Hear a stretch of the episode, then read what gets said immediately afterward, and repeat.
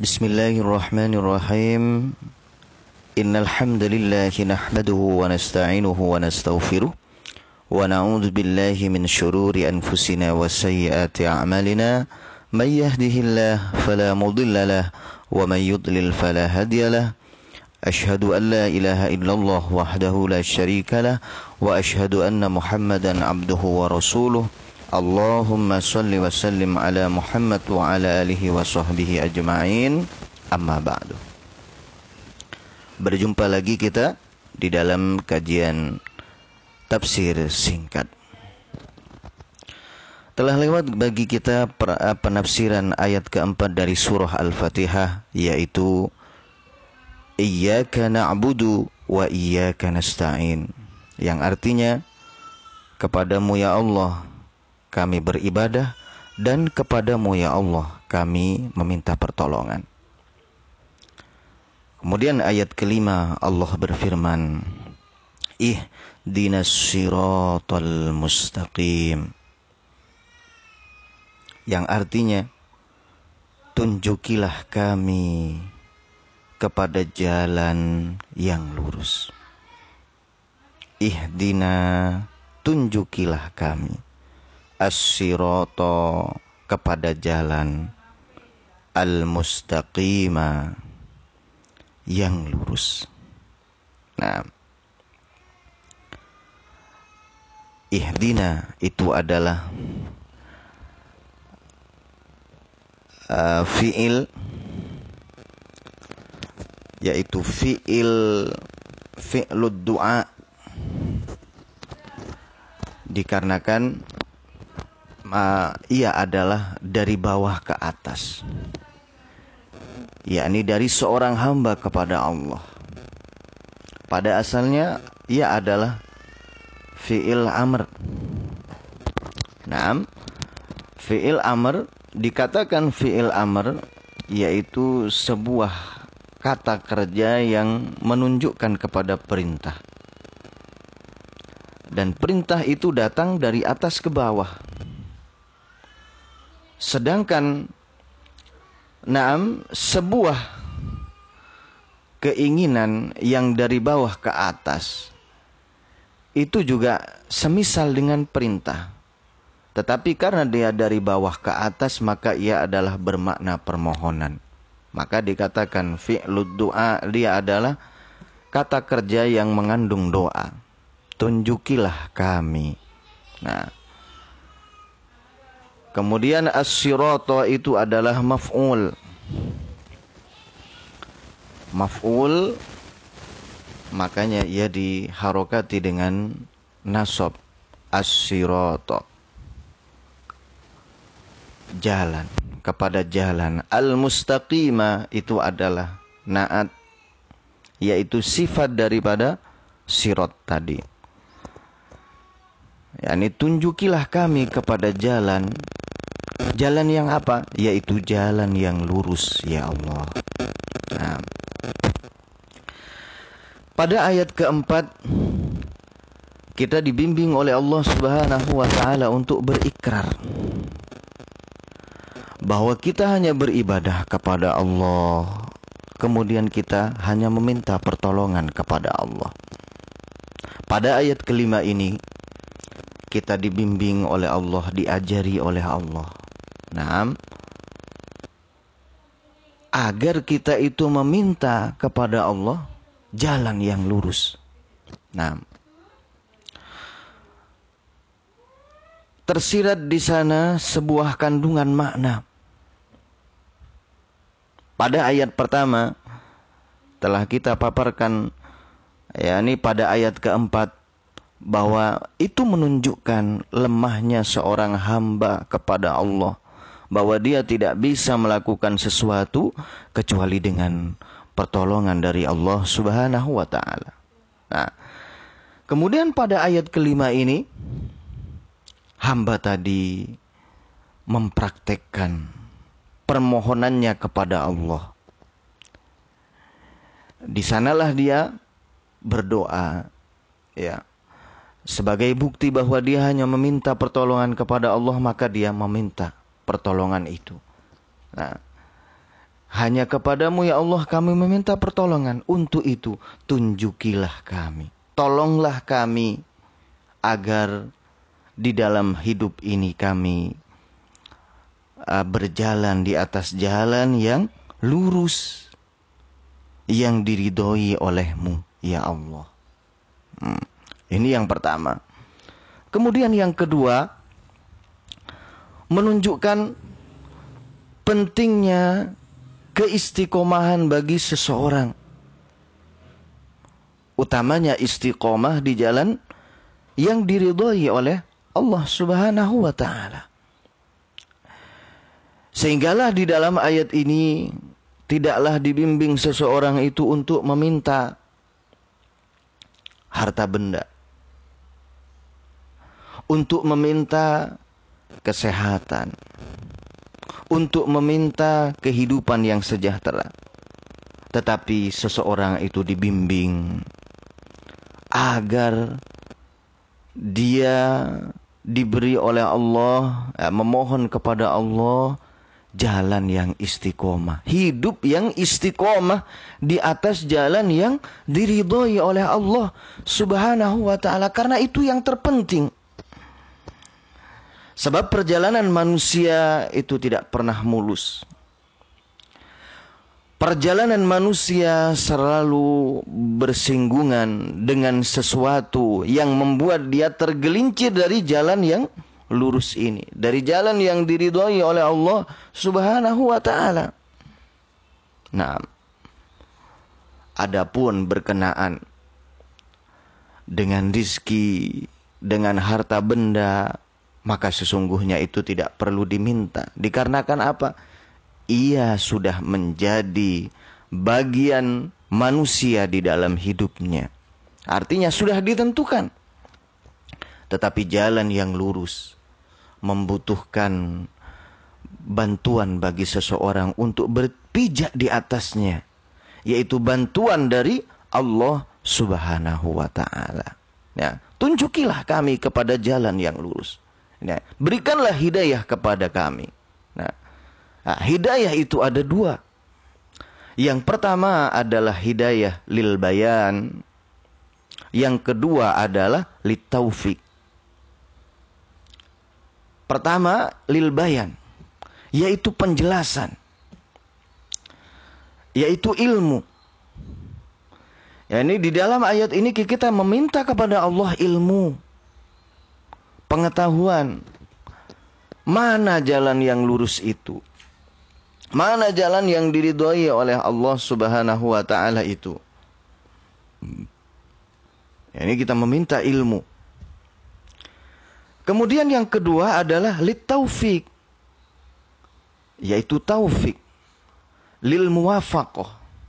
Yaitu hidayah agar kita itu mudah mengamalkan ilmu yang telah kita dapatkan dari kebenaran itu. Karena tidak selalu seseorang yang sudah mengetahui sebuah ilmu kemudian dia mengamalkan ilmunya. Nah, sehingga seorang itu senantiasa butuh keduanya. Nah, orang dapat ilmu, dapat hidayah ilmu tapi tidak dapat hidayah taufik ya kemudahan untuk mengamalkan ilmu tadi maka percuma. Atau orang mendapat kemudahan untuk melakukan kebenaran tetapi dia tidak tahu mana kebenaran maka percuma juga. Nah sehingga kedua-duanya ini uh, senantiasa bersama. Ilmu dan amal. Ya. Pengetahuan dan kemudahan untuk menjalankan pengetahuan itu. Makanya, nah, di sini kita meminta, ihdina, tunjukilah kami, ya Allah, kepada jalan yang lurus. Nah, dan ini adalah kebutuhan semua manusia, utamanya umat Islam. Nah, umat Islam sangat butuh hal ini. Sebab itulah maka dia ada di dalam surah Al-Fatihah. Yang mana surah Al-Fatihah adalah merupakan surah yang wajib dibaca 15 kali minimal di dalam sholatnya seseorang. Setiap rokaat dia harus membaca itu. Nah, menunjukkan betapa sulitnya seseorang itu berpijak di atas jalan yang lurus. Tidak mudah seseorang itu untuk menapaki jalan yang diridhoi oleh Allah. Sehingga dia mem membutuhkan waktu yang berkali-kali untuk memohon kepada Allah Subhanahu wa taala. Dan tahukah Anda apa jawaban Allah Subhanahu wa taala terhadap orang yang berdoa ini? Kata Allah, "Hadza li abdi wali abdi masa'ala. Ah, ayat ini adalah untuk hambaku dan bagi hambaku apa yang dia minta. Yakni Allah mengabulkan. Karena di dalam hadis Nabi memang nah surah Al-Fatihah ini kata Allah di dalam hadis kutsinya qasamtu sholata nisfaini. Aku telah membagi solat itu. Yang dimaksud solat di sini adalah surah Al-Fatihah dua bagian. Nisfun li wa nisfun li abdi sebagian, eh, separuh darinya adalah untukku. Dan separuh sesudahnya itu adalah untuk hambaku. Separuh yang pertama, seperti yang sudah lewat, yaitu Alhamdulillahi Rabbil Alamin, Ar-Rahmanir Rahim, Malik Yaumiddin. Sebagaimana sudah kita ketahui bersama bahwa ia adalah berisi tentang pujian untuk Allah. Ya, sanjungan untuk Allah. Segala puji bagi Allah yang maha pemurah, lagi maha pengasih, yang menguasai hari penghisapan. Kemudian, iya karena budu iya karena stain. Ini kemarin kita katakan Allah menjawab. Naam hadza baini wa baina abdi. Ini adalah bagian antara aku dengan hambaku. Apa bagiannya? Hambaku itu mengakui bahwa dia adalah seorang hamba yang harus beribadah kepadaku. Kemudian yang kedua, nasta'in, kami meminta pertolongan kepadamu. Nah, bagian daripada hambaku adalah dia mendapatkan pertolongan dari Dikarenakan dia telah beribadah, maka aku akan membantunya. Memberikan kesuksesan bagi dirinya. Menunjukkan jalan yang benar bagi dirinya. Nah, kemudian dipraktekkan dengan doa. Ihdinas sirotol mustaqim. Ini dikatakan, Hada li abdi wali abdi masalah. Nah ini, dan seterusnya nanti ayat setelahnya ini adalah bagian untuk hambaku dan bagi hambaku apa yang dia minta. Ini bagi orang yang apa? Yang dia itu benar-benar menghayati doanya. Bukan hanya sekedar lewat di lisannya. Sebagai suatu perkataan atau ucapan atau bacaan yang biasa dia baca. Tetapi ia adalah perkataan kalimat doa yang hadir di dalam hatinya. Nah, sebagaimana dalam sebuah hadis Inna Allah la yakbalu du'a an qalbin lahin. Dalam hadis Ibnu Mas'ud sesungguhnya Allah tidaklah akan menerima doa dari hati yang lalai. Nah, mengapa banyak orang yang sholat tetapi dia jalannya masih melenceng, masih melakukan kesesatan. Mungkin tidak di saat dia berdoa ihdinas siratal mustaqim dia tidak menghayati isi dari doanya itu. Makanya doa tersebut sia-sia. Nah, sedangkan di sana ada orang yang benar-benar lurus, dia kuat memegang akidahnya. Dia kuat memegang Islam, tidak satu pun hal yang membuat dia goyah. Bahkan walaupun dia diombang-ambing di dalam kesulitan hidup, tetap dia istiqomah di atas jalan Islam, di atas jalan sunnah yang diajarkan oleh Rasulullah Wasallam. Ini dikarenakan apa? Dia berdoa dengan penghayatan di dalam hatinya. Hmm, dan Alhamdulillah wa Masya Allah. Di dalam ayat ini hurufnya adalah huruf hams. Ih dinas sirata. Nah, ih itu adalah huruf hams yang mana ia menekan perut yang kemudian pantulan dari perut itu kembali kepada hati. Naam, merasuk ke dalam hati seseorang. Ih, dinas siratal mustaqim. Tunjukilah kami ya Allah kepada jalan yang lurus.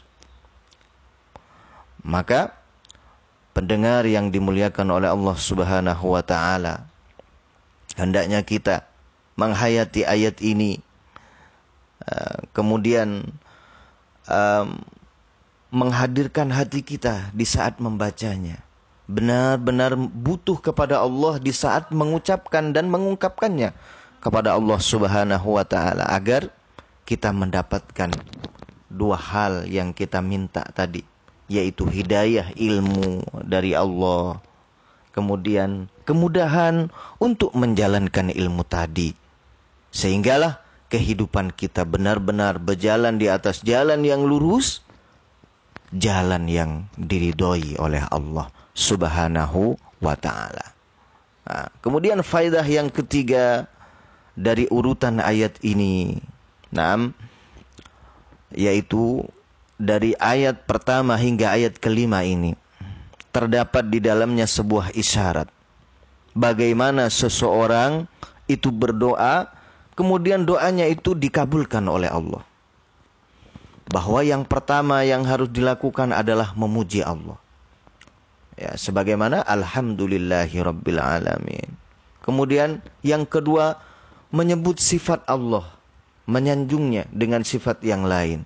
Sebagaimana Ar-Rahmanir Rahim. Kemudian yang ketiga, enam memiliki sebuah keyakinan bahwa doanya itu didengar oleh Allah yaitu percaya kepada hari penghisapan bahwa doanya itu benar-benar berarti dan ditulis oleh Allah sebagai ibadah. Makanya Maliki Yaumiddin. Kemudian yang keempat adalah mengakui akan kelemahannya, akan kebutuhannya kepada Allah. Bahwa dia adalah seorang hamba dan Allah adalah Tuhannya yang akan menolongnya. Baru kemudian dia mengemukakan kebutuhannya. Nah, doa yang dirangkai dengan yang demikian maka dia akan mudah dikabulkan oleh Allah Subhanahu wa taala ini adalah pengajaran dari Allah Subhanahu wa taala yang mulia dan agung.